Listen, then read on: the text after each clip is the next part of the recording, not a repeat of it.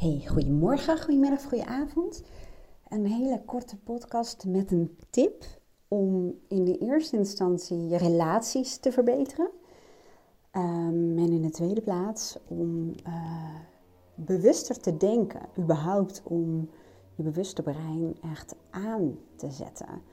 En Erik Scherder, ik weet niet of ik zijn naam goed uitspreek, ik weet niet uh, of jullie daar wel eens van hebben gehoord, maar die geeft heel veel colleges bij de Universiteit van Nederland op YouTube. En hij vertelt bijvoorbeeld ook over het belang van uh, bewegen voor de gezondheid van je brein. Maar ook dat je het uh, moet blijven uitdagen en prikkelen. Je moet het continu wat nieuws leren. En dat kun je natuurlijk op allerlei verschillende manieren doen. En daar deel ik ook heel veel over in mijn podcast. Um, en ik werk ook veel met begaafde en hoogbegaafde mensen. En dan merk je ook dat ze het ook leuk vinden om te doen. Dat het ze verrijkt. Dat, dat, dat, dat, dat ze super enthousiast worden. Ik, ik word bijvoorbeeld altijd heel erg blij van filosoferen. En dan gaan we meteen daar naartoe. Naar woorden. Want dat is eigenlijk ook de tip in deze podcast. Nogmaals, om je relaties te verbeteren. Maar ook om je bewuste brein uh, ja, letterlijk en figuurlijk te gebruiken. Door gewoon vanaf vandaag, of alleen maar vandaag, hè, dat moet je natuurlijk lekker zelf weten, eens op te gaan letten in een gesprek of wellicht uh, in je eigen taal, hoeveel je gebruik maakt van zogenaamde containerbegrippen. En wat bedoel ik nou eigenlijk met een containerbegrip? We gebruiken heel veel woorden in onze taal, hè, dat is logisch, anders zou het ook geen taal heten. Uh, maar we gaan er vaak van uit dat de ander ongeveer hetzelfde beeld heeft als jij. En daar gaat het ook vaak mis in communicatie, maar daar mis je ook letterlijk en figuurlijk vaak de diepgang. Net als um, ik gebruikte het woord filosoferen. En ik weet, en dat had ik eerder zelf ook, dat er heel veel verschillende associaties bij dat woord um, bestaan. de een denkt dat filosoferen maar een beetje spiritueel is en een beetje praten over allerlei dingen die heel vaag zijn. En de ander denkt bij filosoferen aan kritisch denken en uit verschillende perspectieven een vraagstuk benaderen. Um, ja, nadenken over wat abstracte zaken. En dan krijg je het volgende containerbegrip abstract. Wat is in godsnaam abstract? Um, maar je hoort het als, als ik deze zin uitspreek, abstracte zaken. Weet jij dan wat ik bedoel?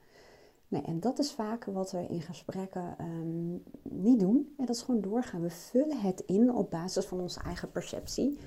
Uh, hè, onze eigen gedachten over, onze eigen ervaringen, onze eigen manier van denken en kijken naar de wereld. En dat net zoals bijvoorbeeld mijn stiefzoon Luca thuis komt. En dan vraag ik, hoe was je dag? En 9 van de 10 keer zegt hij, goed. En 9 van de 10 keer zeg ik dan, dus ik weet niks.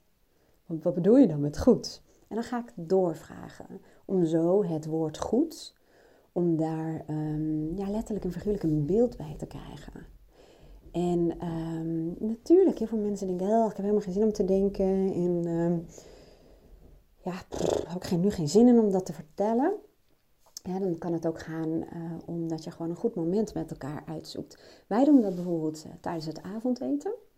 En wij doen dat vaak door, uh, ja, door te vragen.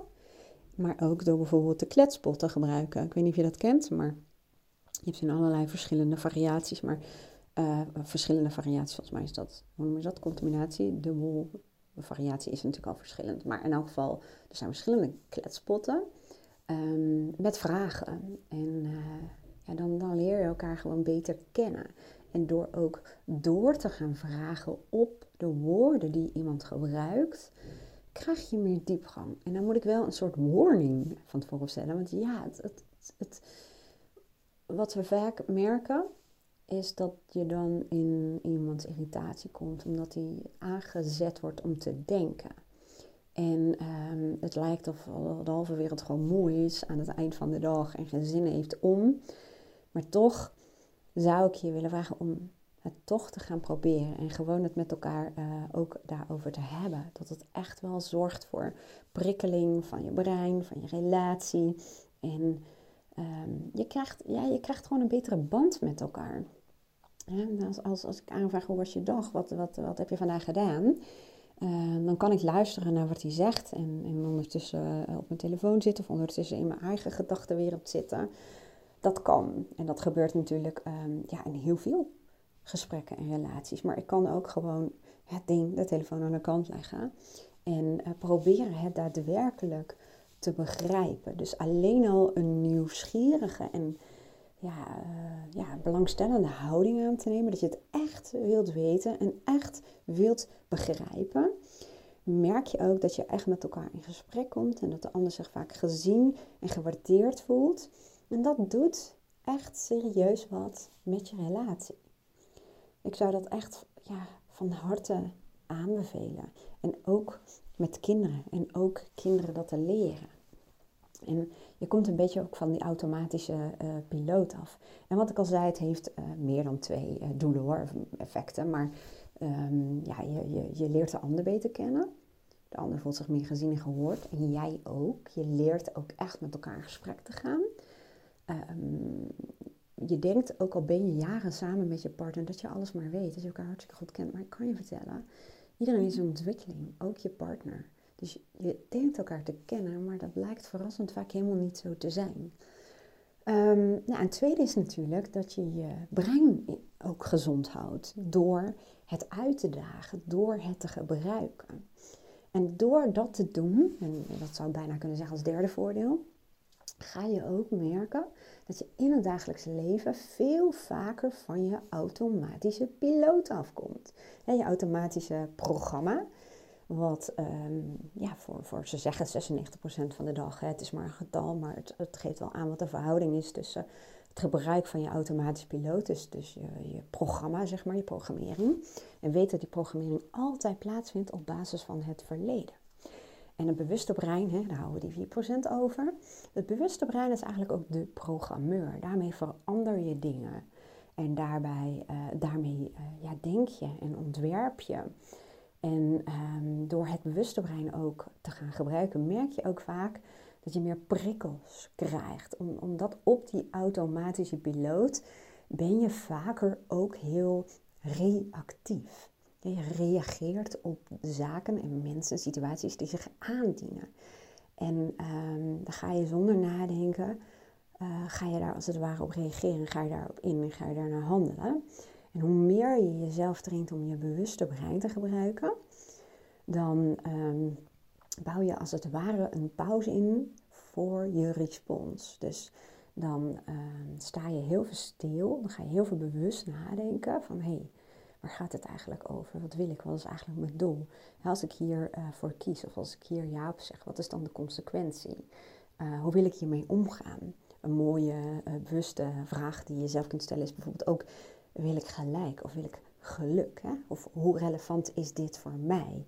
Um, je gaat als het ware wat meer calculeren. Dus en calculeren is eigenlijk ook gewoon echt een hele goede vorm van bewustzijn. En daarbij merk je gewoon dat je uh, meer regie voelt in je leven, maar ook heel veel meer voldoening.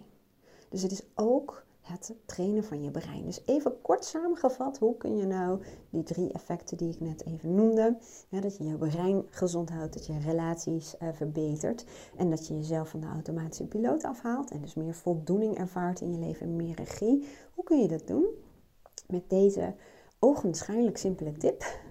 Um, want het zet je tot uh, denken aan, zeg maar. En dat is door op de woorden te letten die jij zelf uh, formuleert en gebruikt. En op te letten uh, op de woorden van een ander.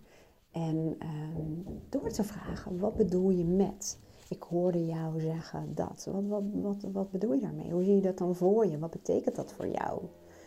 En um, een van mijn eigen coaches, een van de, coaches die echt heel veel invloed op mij heeft gehad, op mijn denken, op mijn leven, op de manier waarop ik in het leven sta, is Diana Simelink. Ze heeft op Instagram een heel mooi account, Lieve Heersje. Dat zou ik je zeker aanraden uh, om daar eens te kijken, want zij werkt heel veel met taal. Zij, maakt hele mooie gedichten. Uh, en nu ben ik kwijt waarom ik haar introduceerde. Zo gaat dat in mijn brein heel vaak. Dan maak ik een zijstapje en dan denk ik, waar was ik ook alweer gebleven? Het is ook bewustzijn. Uh, taal, hè? want ik zei, um, waar was ik gebleven? Ik probeer even terug te gaan naar het punt waarop ik het nog weet. Want ik vertelde je dat het gaat om uh, dat je op de woorden let van een ander en doorvraagt. Uh, ja, nu weet ik hem meer, nu weet ik hem meer. Want zij gebruikte altijd de term beelden uitwisselen. Zij zei, eh, je hoort ondertussen trouwens uh, de mensen die onze dakgoot aan het vervangen zijn op de achtergrond, dus ik wil iets harder praten. Uh, maar zij zei, um, we introduceren bijvoorbeeld een bepaald woord of we gebruiken een bepaald woord. als ik bijvoorbeeld naar bedrijven en organisaties kijk, uh, zeggen ze bijvoorbeeld, ja, wij willen de klant centraal zetten. Nou, en dat wordt dan een leuke, ja, ja, het is niet een kernwaarde, maar een leuke, ja, hoe zou je dat moeten noemen, doelstelling. Ik weet het niet precies hoe je het zou moeten noemen. Ja, en iedereen wordt geacht de klant centraal te zetten, bij wijze van spreken. Maar ja, wat is dat dan? En zij zei door naar die zin te kijken, de klant centraal te zetten, om beelden uit te wisselen van wat betekent dan de klant centraal zetten? Wat bedoelen we daar dan mee? En door het uit te gaan wisselen en door eigenlijk veel specifieker te worden in wat je bedoelt met die zin, zul je ook in bedrijven en organisaties gaan merken dat mensen ook veel meer conform dat wat je belangrijk vindt uh, gaan werken. Want net als met kernwaarden, dat is hartstikke leuk, die kernwaarden, maar heel vaak worden die um, vanuit de top bedacht. En die worden gewoon neergelegd in de organisatie. En er worden mooie posters opgehangen. En het wordt uitgedeeld wat kernwaarden zijn van het bedrijf. Um, en waarbij ik heel vaak ook denk, zijn dat jullie kernwaarden, of is het een soort window dressing noemen ze dat wel, hè? van hoe wil je naar buiten treden, maar zijn jullie het ook, leven jullie het ook, werken jullie ook zo? En zit dat als het ware echt in het DNA. Maar dan krijg je een lijstje met kernwaarden. En uh, nou ja, daar, je moet dan conform die kernwaarden gaan leven, of uh, werken. Maar ja, het zijn vaak maar woorden. Uh, zekerheid, transparantie, ontzorgen, kwaliteit first, noem het allemaal maar op. Het is hartstikke leuk. Maar wat betekent het in de praktijk? Welk gedrag hoort daar dan bij? Hoe ziet dat eruit? Hoe gedragen we ons dan aan de telefoon? Um, ja, wat doe je wel en wat doe je dan niet? Hè? Welke regels horen daarbij? En dat stukje vergt nadenken, onderzoeken en uh, vragen stellen. Nou, ik hoop dat je er wat aan had. Ik wens je een hele mooie dag en uh, heel graag tot de volgende podcast. Doei!